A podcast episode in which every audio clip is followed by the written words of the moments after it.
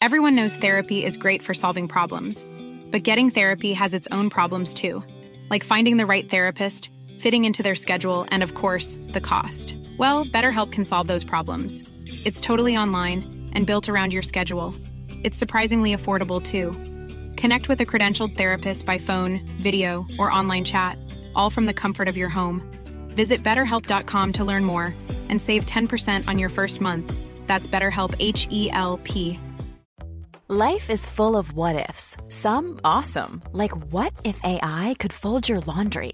And some, well, less awesome, like what if you have unexpected medical costs?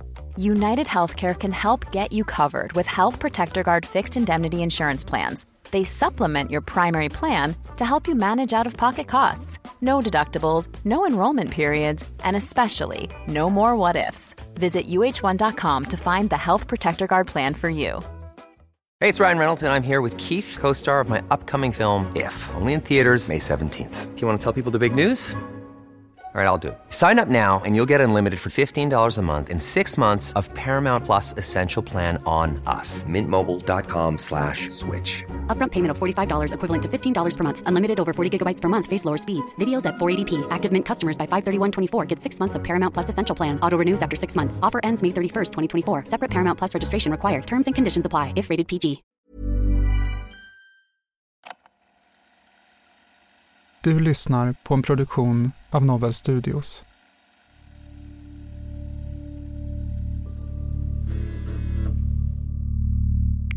De tänkte, hoppas de går snart. Nej, de går nog snart. Var är kulorna gubbjävel? Är det verkligen allt sen? Teba, kolla allt igen, oavsett. Man kan inte satt det i värdepapper. Då har jag inget svar på vad de är.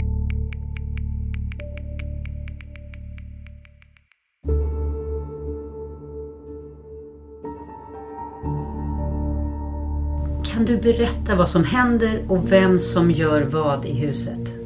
Inga kommentarer. Ja, jag ser bara hur den här pölen med blod bara äter sig in i, i mattan. Sen hör man ett litet duns här inifrån. Litar du på Kristoffer? Ja. För jag står på sidan och ser att allting har, eh, har gått åt helvete. Och jag bara, eh, vad är det som händer där inne?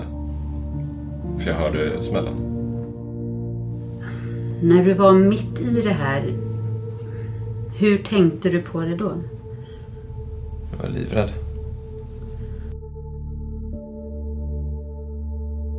Det här är Förhörsrummet. I den här serien, som består av fem delar, hör vi återskapade polisförhör från fallet Dubbelmordet i Vallentuna. Du lyssnar på den fjärde delen.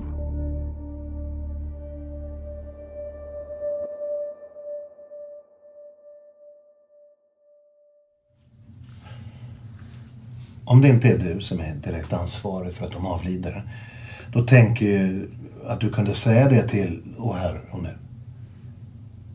Ingen kommentar. Men det är klart att jag också tänker att du väljer att säga ingen kommentar för att det kan vara så att det är Kristoffers berättelse som är den som stämmer bäst med vad som hände i Syrsta den här morgonen. För så länge du inte säger någonting så är det ju den versionen som vi har. Ingen kommentar. Och vi sitter ju inte här. Det är inte vi som dömer. Och det tycker jag är skönt för jag blir inte riktigt klok på er relation har jag varit inne på. Konstiga uppdelningar på saker och ting. Men jag blir heller inte riktigt klok på att du säger inga kommentarer och han kommer med den här berättelsen. Förstår du? Mm. Ja. En reflektion bara. När Lennart berättat det här för dig så ser jag att du... Eh, du ser på ditt uttryck förvånad ut. Eller du höjer på dina ögonbryn när han berättat det Kristoffer har sagt i förhör. Om att det här skulle vara du som har gjort det här. Ja.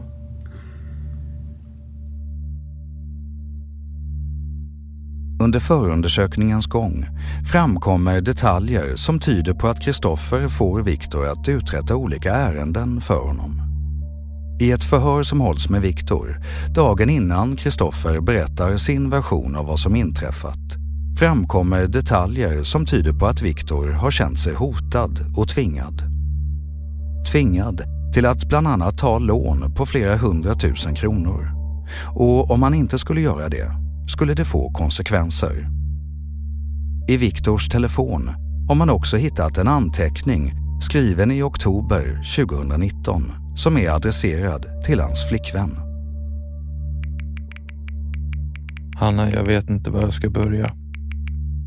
Men jag är helt förstörd. Gruff tror att jag har stulit massa. Nu vet ju du om. Men vad du inte vet är att de har bötat mig på en summa och deras plan är när jag har kommit med pengarna så ska de säga 100k. 100 000 till då. Sen om jag kommer med dem eller inte så ska de döda mamma, pappa och dig. Och efter det mig. Både relationen mellan Viktor och Kristoffer och den här specifika händelsen är någonting som förbryllar polisen och som de försöker få klarhet i. Förhör med Viktor Karlsson den 22 juni 2020.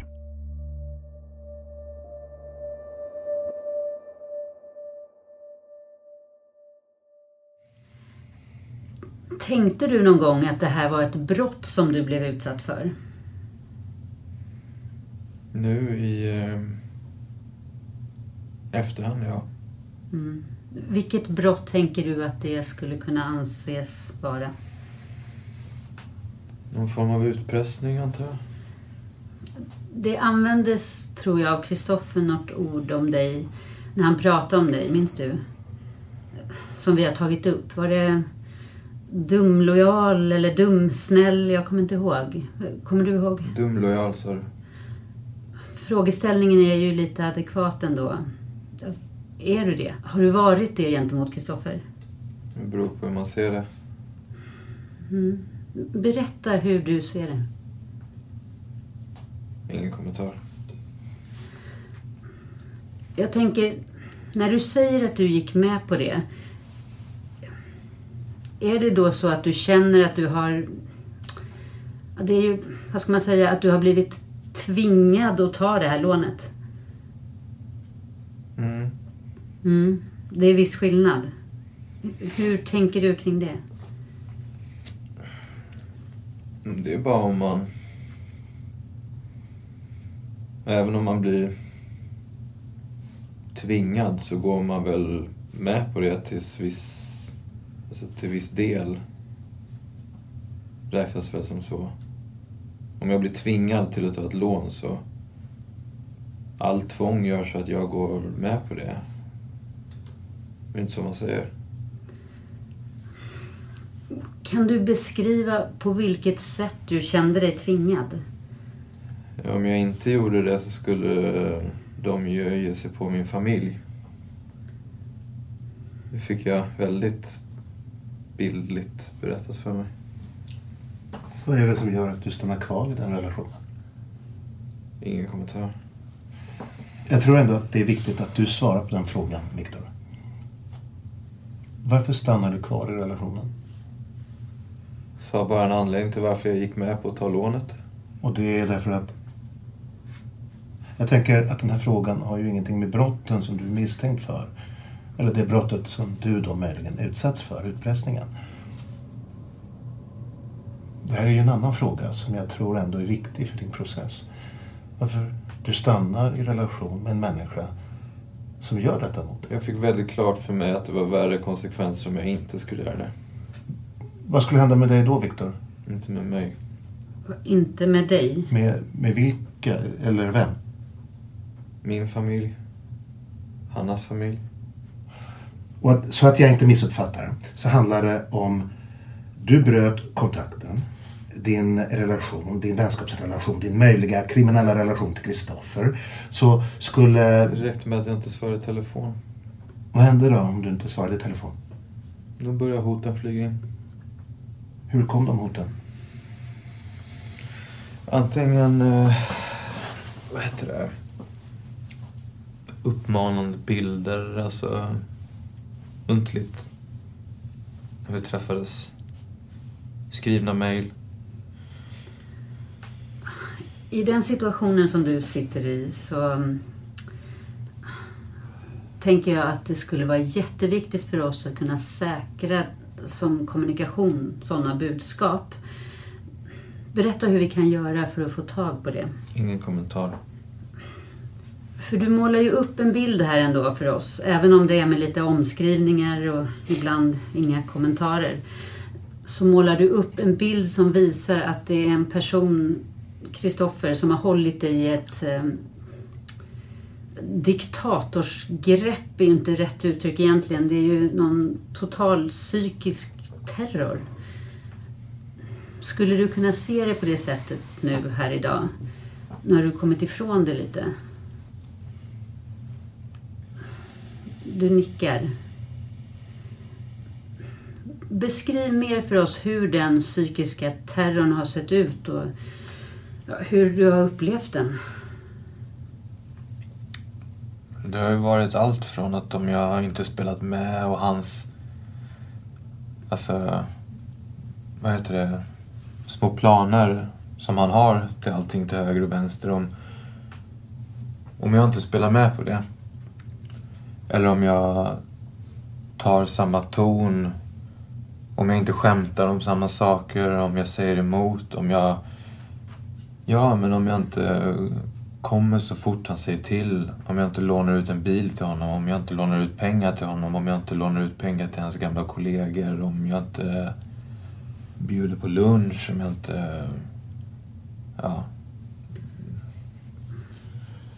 Vad skulle hända då? Det var väldigt många olika berättelser hela tiden.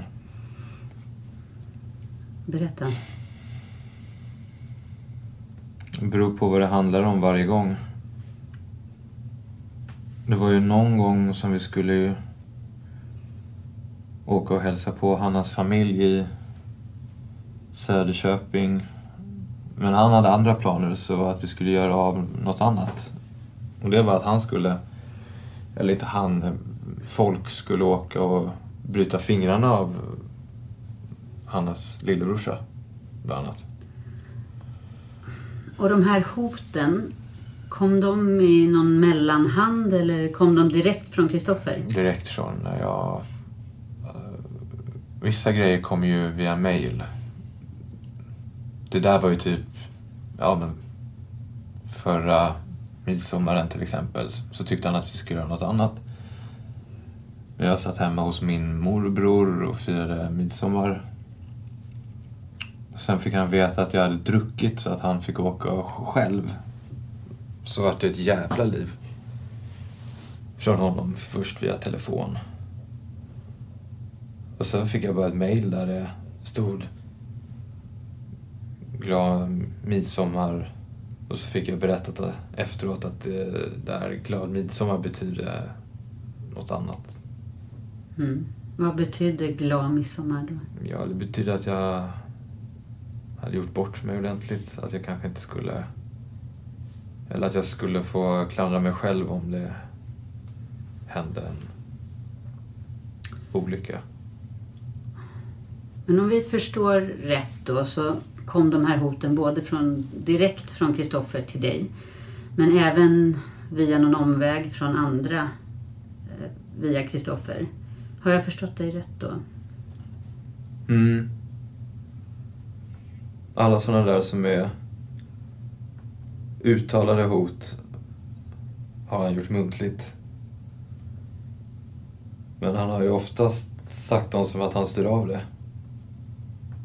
Att han är filtret emellan.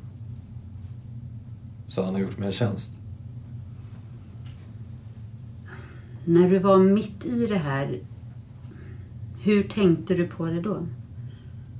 Jag var livrädd.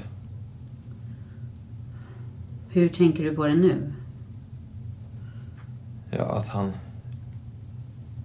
är sjuk i huvudet.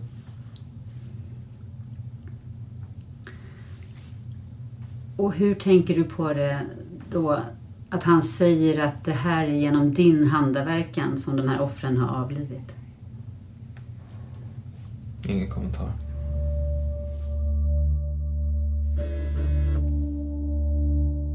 Gör mig en tjänst. Skicka 1500. Kommer imorgon tillbaka. Är till inträde för Jonas klubb. Till min firma. Har 800 tror jag. Skicka OMG. Nu har du alla pengar som jag har i mitt namn. Under förundersökningen är det ju jag som är förundersökningsledare. Kristoffer Kågström är åklagare och arbetar med brottmål i Stockholm. Eh, men det innebär i praktiken bara att det är jag som ger direktiv till poliserna vad de ska göra. Och sen är det ju de som sitter med under alla förhör under förundersökningen. De är jag inte med på utan jag läser ju i efterhand de skriftliga förhören för att få veta vad det är som har hänt. Och sen håller ju jag förhör med de inblandade under rättegången. Men de förhören är ju ganska olika egentligen. Därför att förhören under förundersökningen de syftar ju till att ta reda på vad det är som har hänt. Eh, och där kan ju en förhörsledare behöva ställa väldigt öppna frågor om, om, för att ta reda på eh, vad det är som har hänt. Men förhören under rättegången, där vill man ju egentligen bara få fram samma sak som alla har sagt innan, eh, innan rättegången. Eh, för tanken är ju att när förundersökningen är klar och jag ska väcka åtal, då gör ju jag det på det material som finns i förundersökningen. Och jag väcker ju bara åtal om jag tänker att det kommer leda till en fällande dom. Så, så tanken och utgångspunkten under rättegången, det blir ju att om alla säger samma sak som de har sagt under förundersökningen, då kommer det att bli en fällande dom. Så att jag ställer ju frågorna på ett lite annorlunda sätt än vad man kanske gör som polis under förundersökningen. Jag, vill, jag ställer ju frågor där jag egentligen redan vet, eller tror mig veta vad svaret ska bli.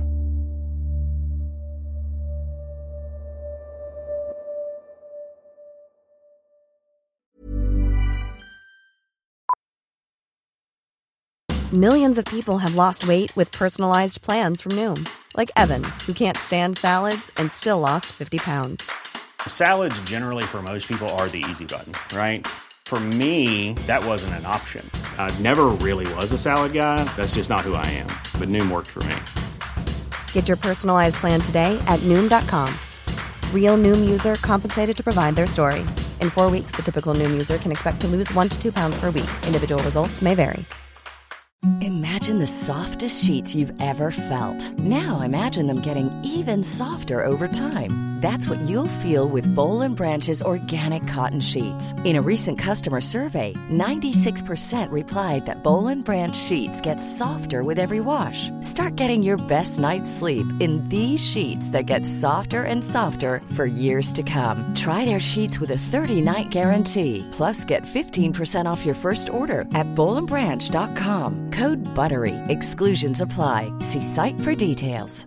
Everyone knows therapy is great for solving problems, but getting therapy has its own problems too, like finding the right therapist, fitting into their schedule, and of course, the cost. Well, BetterHelp can solve those problems.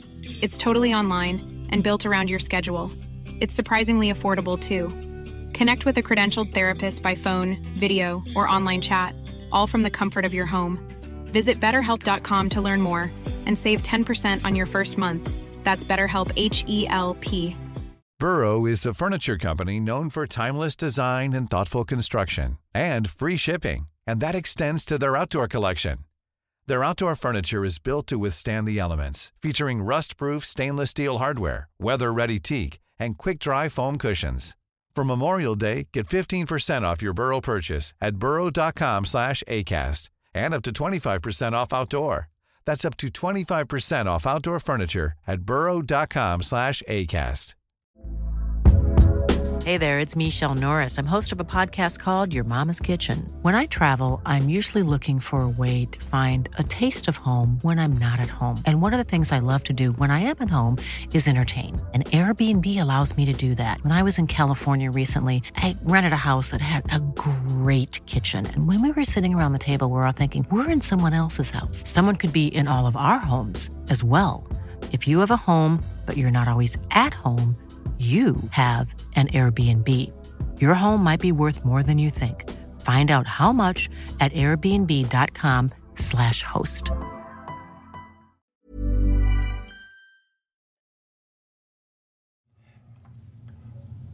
Vad vi har förstått från Kristoffer så, så började pratet att råna Lars redan i juni, juli.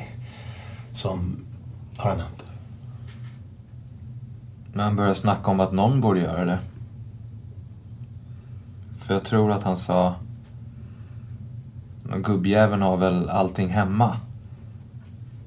Hur mycket pengar pratade han om att det kunde vara hemma då? Han kunde aldrig bestämma sig. Det var... Han sa att... Eh, dilla och det och satt och dilla om det. Så frågade han mig hur mycket pengar tror du?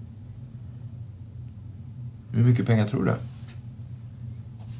Och sen jag bara, hur fan ska jag kunna veta det? det så var det bara, men säg vad du tror.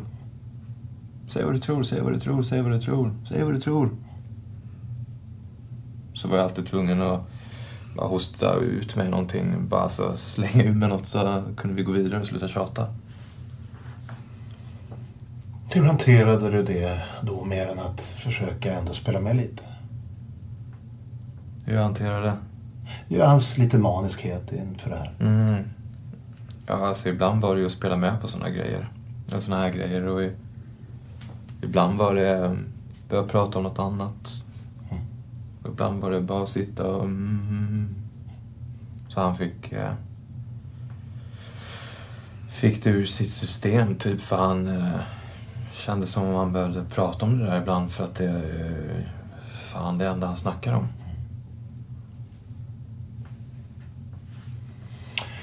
Sen har Kristoffer sagt att det har funnits planer på att göra det här tidigare förut. Innan januari. Vad har han sagt till dig om det?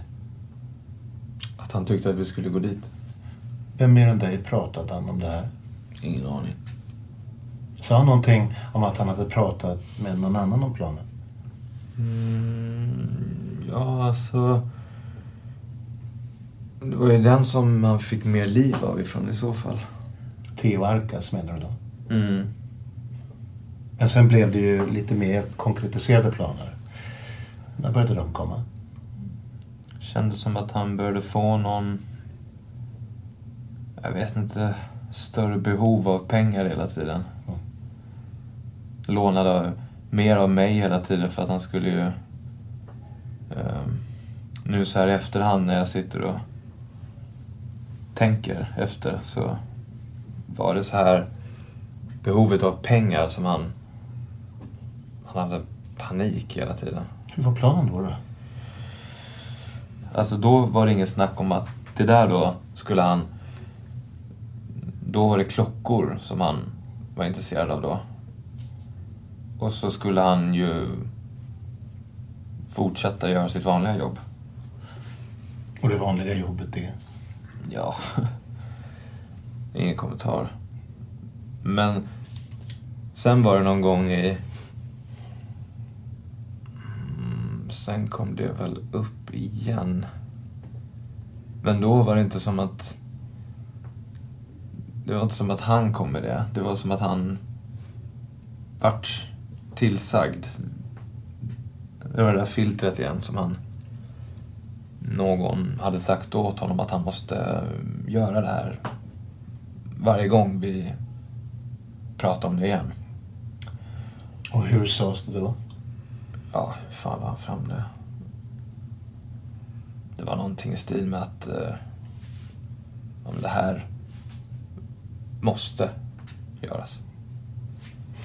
Hur blev du varse att det här krävdes någonting från dig då? Ingen kommentar. För det är ju det han säger till oss. Jag fick ett mejl. Och vilket mejl pratar vi om? Det som eh, ni kallar för eh, planer. Där jag låg och sov när jag fick det. Men då ringde han Hanna. Vad sa han till Hanna då? Uh, ge telefonen till din gubbe. Så hon väckte mig och så fick jag telefonen och så sa han svara på mejlet. Så sa han åt mig att jag skulle svara på mejlet. Och vad sa han att du skulle svara på det då? Ja, vad var det han sa? Jag fick välja antingen var det att jag skulle skriva jag är redo eller att jag skulle svara jag vet vad som behövs göras eller att han skämsamt sa att eh, han skämtade för att, att jag är lite s- scoutaktig, att jag skulle skriva allt är redo. Okej. Så den här planen, det var ingenting du hade sett eller hört talas om förut? Alltså han hade ju snackat fram och tillbaka om, men ja, typ som vanligt. Så varje gång han kommer så ska han prata så satt jag bara mm, mm. Hände ju aldrig något. Efter hans filurplaner överallt. Han gör ju 14 stycken om dagen typ, så jag trodde att det var som vanligt. Att det var liksom bara hålla med så kommer han på någon annan grej sen. Förstår jag dig rätt Viktor om du säger att det här var ständigt mycket snack på Kristoffer? Planer och grejer och spekulera och fantisera Mm, hela tiden. hela tiden. Mm. När förstod du att han verkligen menar allvar med den här planen då? Att- Att försöka tillskansa sig Lars eventuella pengar. Vet jag inte vilken tidpunkt det var. Men ungefär. Ingen kommentar. Det får jag tänka lite mer på. Eller tänkte du att det när som helst kunde blåsas av? Mm, Du nickar lite nu. Mm. När förstod du att det inte skulle blåsas av? Ingen kommentar. Så som jag tänker efter att du har berättat det här, det här med att Kristoffer säger att ni har en plan. Så är inte det här ni, utan det här är inte din plan. Nej. Utan det är Kristoffers plan. Mm. Kände du till innan Kristoffer nämnde det att Lars hade sålt Nej. den här gården? Nej, har absolut inget intresse sånt så att jag... Nej. Så det fick du veta av Kristoffer? Och så förstår jag nu att du väljer att inte kommentera vissa saker men ändå blir jag... Och tänker att Kristoffer pratar ju väldigt mycket Jag brukar göra det. och lägger då skulden på dig. Mm. Och ändå så väljer du som att, även om du skyddar honom, men ja, det är bara en känsla jag får, men du vill fråga om vissa saker men du vill inte berätta vad det här... Eh, den här 270 000. Det är vissa saker du väljer att du inte vill kommentera. Man märker att det blir känsligare. Är det för att du vill skydda Kristoffer som du inte vill kommentera det? Inte Kristoffer. Nej.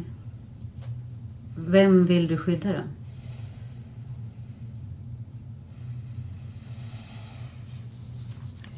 Alla jag har där hemma. Hur tänker du att du kan skydda de bästa, Viktor? Jag vet inte. Den här nu, av anledningarna av att du sitter här, har uttalats någonting mot din familj vad det gäller det som hände i Sursta? Jag vet inte vad som är sant och inte. Men har Kristoffer på något vis förmedlat något hot mot din familj efter Susanne och Lars mördades i Sursta? Mm. Väldigt noggrant. Då behöver vi nog att du berättar igen det väldigt noggranna som han sa. Ingen kommentar. När du säger inga kommentar nu, vem är det som du vill skydda då? Min familj. Ja, det är lite tokigt. Jo, tack. Så om du pratar och berättar saker då kan din familj råka illa ut. Har jag förstått det rätt då? Men det är det jag inte vet. Om det är sant eller inte. Och vad kan du säga lite allmänt bedöma då din uppfattning om Kristoffers trovärdighet utifrån den tid som du har suttit häktad nu? Och som vi har haft många förhör. Hans trovärdighet kring? Allt möjligt, det mesta. Som person? Ja... Jag började peta mer och mer på grejer i huvudet hela tiden. Eh, Det har tagit sin lilla tid. Jag har inte riktigt kommit fram dit än. Jag vågar inte. Och när du säger kommit fram dit, hur menar du då? Jag vet vad jag vågar säga och inte. Men vet du vad, Viktor? Där måste vi få göra vårt jobb. Polisen. Vid förundersökningen så råder ju det man kallar för förundersökningssekretess. Om det på något vis är en fara för andra totalt utomstående människor, inte på något vis kriminella. Om det finns något hot eller någon situation runt om så måste vi få reda på det, tänker jag. Jag vet inte om jag vågar än. Vad skulle det finnas att förlora? De. Men du, vem är det som skulle utföra det här mot dem då? Det har jag inte räknat ut än. Jag tänker, som vi har pratat om tidigare, så verkar mycket komma från Kristoffer. Mm. Ja, och Kristoffer, du vet ju var han är någonstans.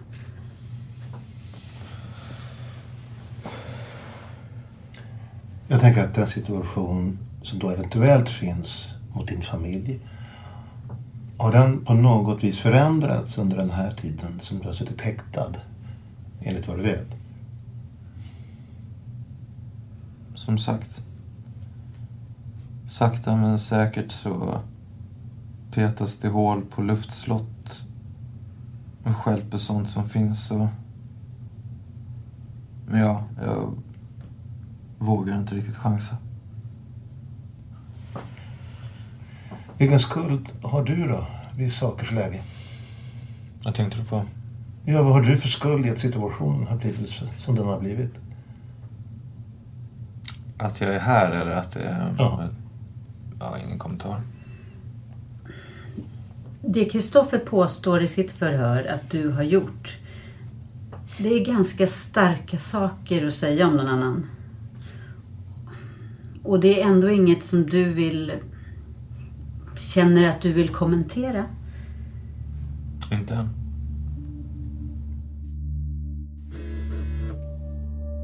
Hämtar mynten och hans gamla klockor.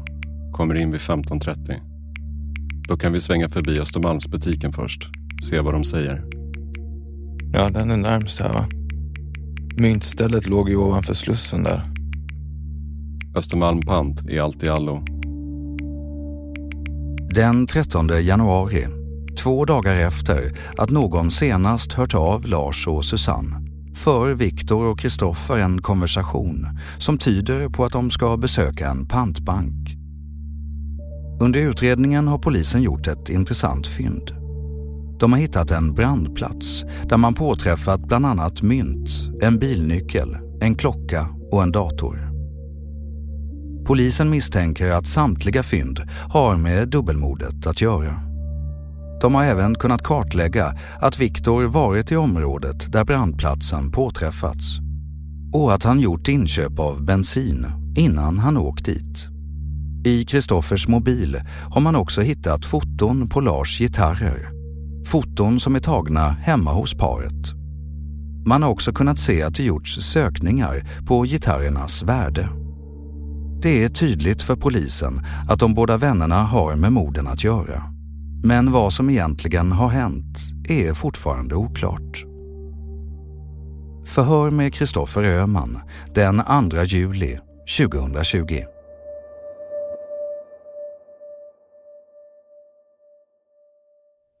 Då kör vi igång. Mm.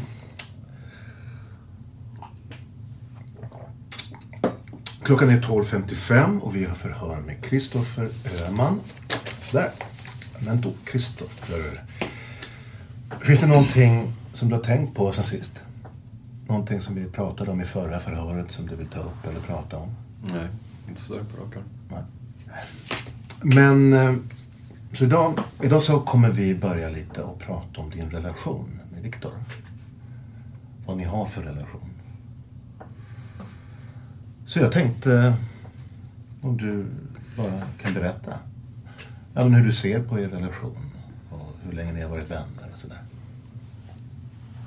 Nej, jag vet inte exakt hur länge vi har varit vänner. Ja, vi har känt varandra länge, det, det har vi gjort. Ja, vad ska jag säga? Vi är vänner. Men är det...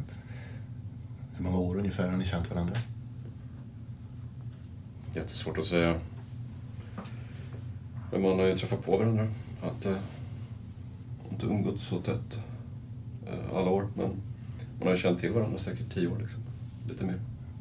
Liksom, ja.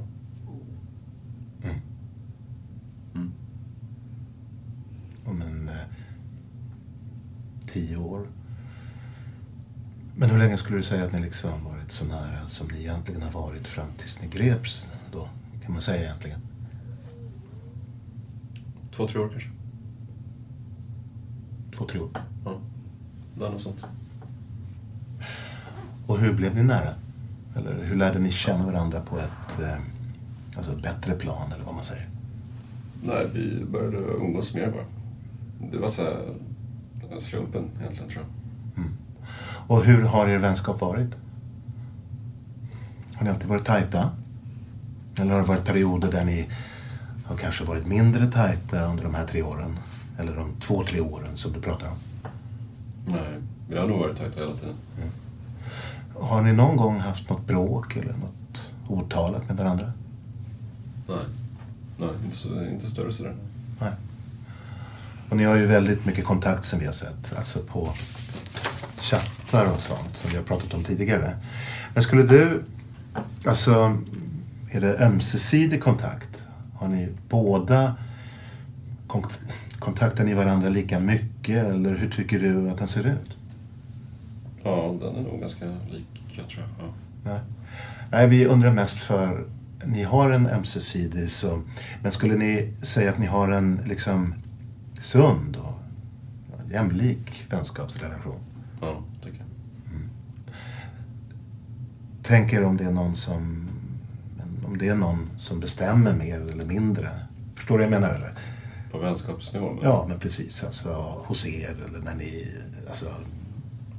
Ja, alltså... Ja. Alla är väl olika, så är det väl. Mm. Vissa är mer dominanta i sättet att vara, vissa, vissa är inte det.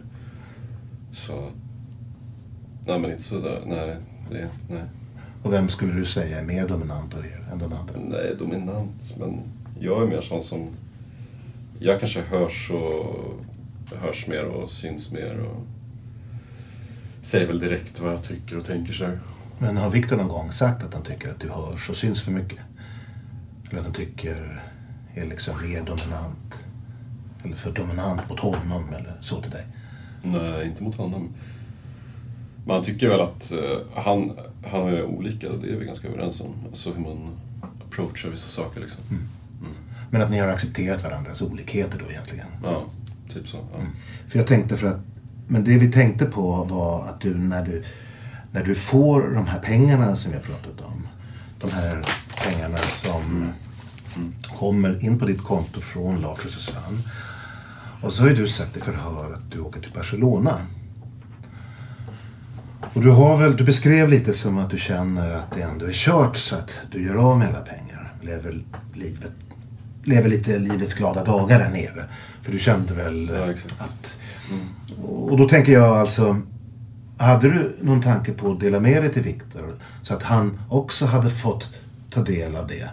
Om ni nu var så nära vänner. Ja. Ja. Men det är, större, det är en större bild alltså. Alltså, Vi har gjort andra grejer också som, alltså tidigare som jag har undanstoppat och sådär. Så, Okej. Ja, det blir svårt om man bara tittar på det där men Ja men visst, det var väl fel att göra slut på allting. Så, mm, så är det ju. Mm. Men var det någon tanke att Viktor skulle få ta del av pengarna? Eller vad hade ni för uppgörelse där med pengarna sinsemellan? Från början hade vi Från början hade vi det, för då var det ett annat mål med större belopp. Mm. Så, ja. Men när det blev det här beloppet då, som det blev. Om vi tänker bara på det. Inte det som har kommit från tidigare förstår. utan som du har från annat då. Utan de här 220 000. Vad var tanken med de pengarna mellan dig och Viktor? Nej, det fanns ingen tanke mer än att vi skulle försöka göra något vettigt av dem.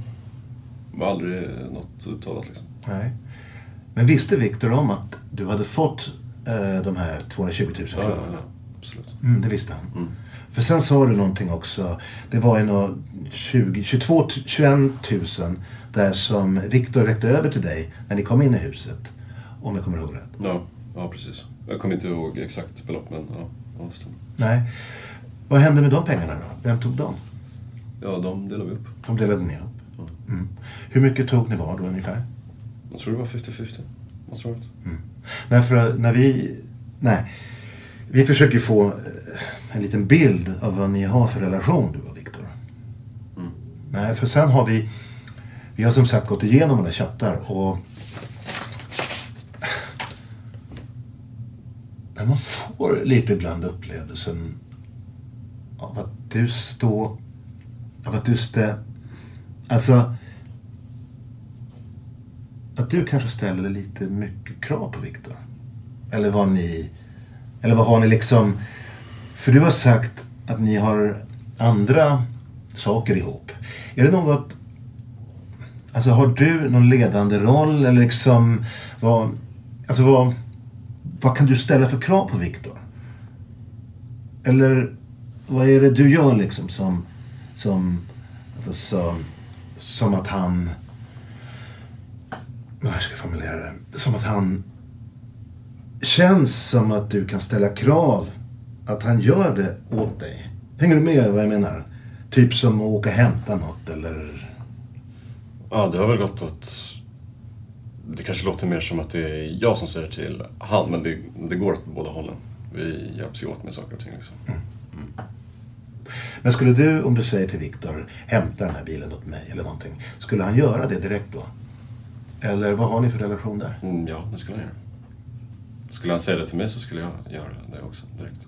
Så där upplever du också att ni har liksom en jämlik Ja. relation? Att ni kan be alltså om gentjänster och tjänster? Ja, absolut. Vi ställer ju upp för varandra. Liksom. Nej, för att det var ju något exempel vi har och det är ju på nyårsafton. För då skickar du att han ska fixa ladd åt dig. Och då skickar du flera sms till honom. Fixa, fixa, fixa. Och då undrar vi, varför gör du det?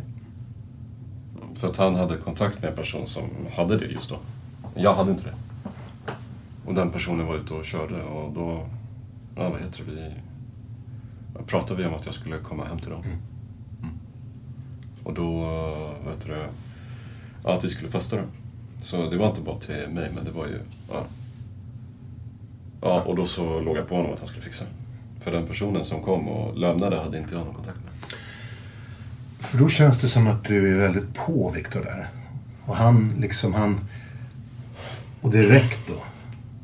Han är ju iväg någon annanstans, på någon annan fest. Men då väljer han ändå att han ska fixa det här åt dig. Så därför undrar vi liksom vad ni har för relation. Vad, varför han då kan släppa allting. Ja, så, så var det inte. Han släppte ju inte allting. Utan vi träffades ju på lite senare när jag plockade upp, ja, eller vi hade, vi fick ju skjuts då när vi hämtade upp honom och, och Hanna och sen åkte hem till dem. Mm. Så, ja, det var inte bara att han avbröt det för min skull liksom. Mm. Det, det är min uppfattning i alla fall. kontakten med utredarna under förundersökningen, det kan ju variera förstås beroende på vad det är för typ av ärende. Eh, det är klart att i större, mer komplicerade ärenden kanske man har tätare kontakt än vad man har i enkla förundersökningar. Och jag skulle säga att det är också skillnad beroende på om det är någon som är frihetsberövad i ärendet eller inte. För de ärendena blir ju prioriterade eftersom att vi inte vill att människor ska vara inlåsta. Eh, och där kanske man måste ha nära kontakt för att det ska gå så snabbt som möjligt framåt. Men sen kan det också vara, eller det är ju så att min roll som förundersökningsledare det är ju att hålla koll på att vi gör relevanta utredningsåtgärder på ett mer allmänt plan. Och jag kan ju bedöma hur bevisningen kommer att se ut i tingsrätten och vad som brukar funka och vad som inte gör det. Eh, och det ligger ju inom min roll att eh, hålla koll så att alla rättigheter hos parterna som är inblandade upprätthålls. Men jag är ju egentligen ingen expert på att utreda brott på det sätt som polisen är. Ehm, så att i vissa förundersökningar så kan jag ge rent allmänna direktiv om att vi ska röra oss i den här riktningen. Det här är den typen av slutsatser som jag behöver kunna dra för att väcka ett åtal. Ehm, men jag lämnar det upp till utredarna att inhämta Eh, materialet eller välja vilka det är de tycker att de ska förhöra eller så. Två och en halv månad har gått sedan Kristoffer berättade sin version om vad som inträffat i Sursta. Det har även hållits många förhör med Viktor som återkommer till att han är osäker på vad han vågar berätta och inte. Han uppger att han blivit tillsagd att utelämna särskilda delar och att det skulle få konsekvenser om han väljer att berätta. Men snart ska förhören plötsligt ta en ny vändning. Förhör med Viktor Karlsson den 21 augusti 2020.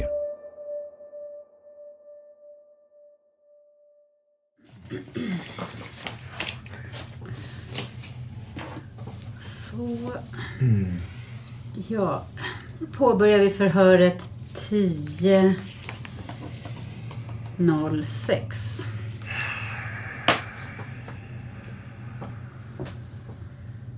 Vill du berätta, Viktor?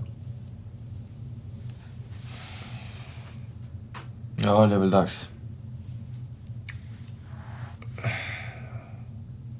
Var ska jag börja någonstans? Uh... Ja, men vad heter det? Vi, vi kan ju börja med med det här med att vi eh, ska ha varit där och kollat på bilar. Det...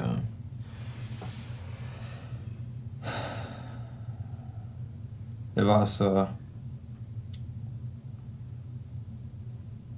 Vad jag för er skulle säga. Det var... Vad heter det? Ett av manusen som jag skulle berätta för er. Sen, det andra som jag skulle berätta var att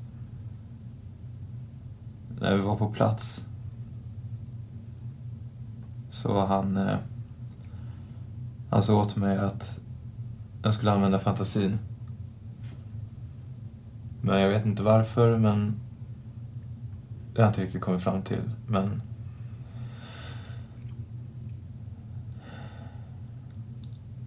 när vi gick därifrån så sa han att han skulle återkomma med var, alltså alltså storyn som jag skulle berätta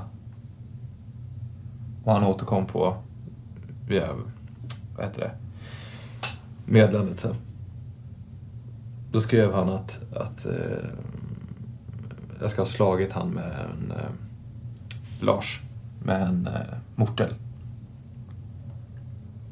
Och sen skurit halsen av honom. Och sen gått in eh, tagit en, vad heter det, gladpackrulle och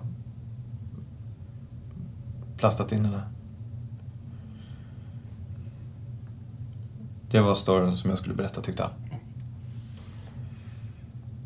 Den har, eh, det har varit liksom så här att eh, han, han har ringt upp och, ja men, vad var det där vad det som hände alltså att jag liksom skulle kunna älta den här historien. Så att han har liksom, ja, jag vet inte, så att jag fick in vad jag skulle berätta. Att det här var liksom, det var ju varje gång vi träffades så sa han liksom, ja, men få höra. Vad var det som hände? Få höra, få höra, få höra. Få höra vad, vad är det du ska säga? Vad ska du säga? Alltså det var ju bara liksom, jag får upprepa historien och det fortsatte ju med så... Han skämtade ju runt det. Som att det hänt i, vad heter det, i meddelanden också men... Visst, han kunde ju inte hålla sig. Han kunde inte... Kunde inte hålla sig till att hålla den masken själv på medlemmen. Det var därför han började skriva om, eh, ja men att tatuera in tårar. Han tappade ju den röda tråden som han försökte skapa genom att, nej jag vet inte, han, han var stolt. Det lät så när han, pra, när han pratade om det. Men... eh, Ja, var, var ska man börja? Var... Kan vi göra så här? Att du berättar från, från morgonen. Vi har varit inne på att ni är på McDonalds. Mm. Och sen tar ni er till Sursta.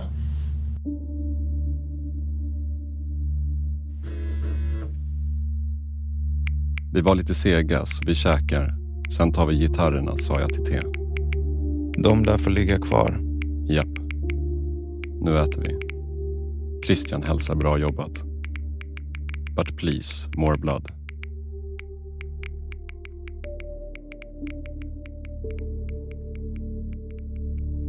Du har lyssnat på Förhörsrummet och den fjärde delen av fem i serien om dubbelmordet i Vallentuna. I den sista delen hör du bland annat det här.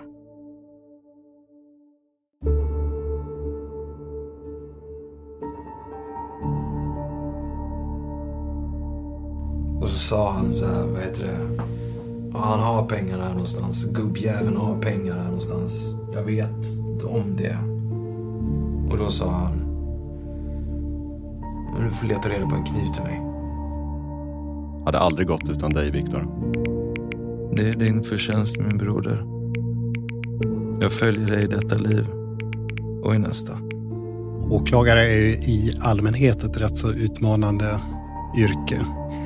Eh, Men gemensamt för alla typer av ärenden det är ju att man som åklagare får ta många tuffa och rätt så ingripande beslut. För du säger att ni har vapen med er. Men enligt Viktor har ni inte vapen med er. Så vi undrar lite hur det ligger till med det. Hur det ser ut, om ni har vapen med er eller inte. Vi har vapen med oss. Ni har det?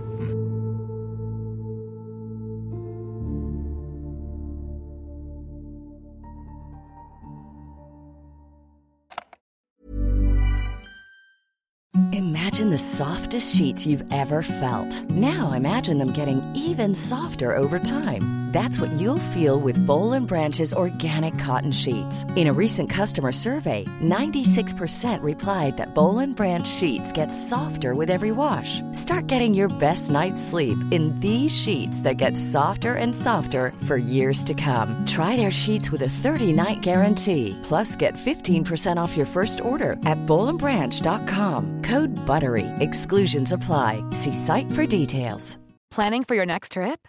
Elevate your travel style with Quince. Quince has all the jet setting essentials you'll want for your next getaway, like European linen, premium luggage options, buttery soft Italian leather bags, and so much more. And is all priced at 50 to 80% less than similar brands. Plus, Quince only works with factories that use safe and ethical manufacturing practices. Pack your bags with high-quality essentials you'll be wearing for vacations to come with Quince. Go to quince.com slash pack for free shipping and 365-day returns.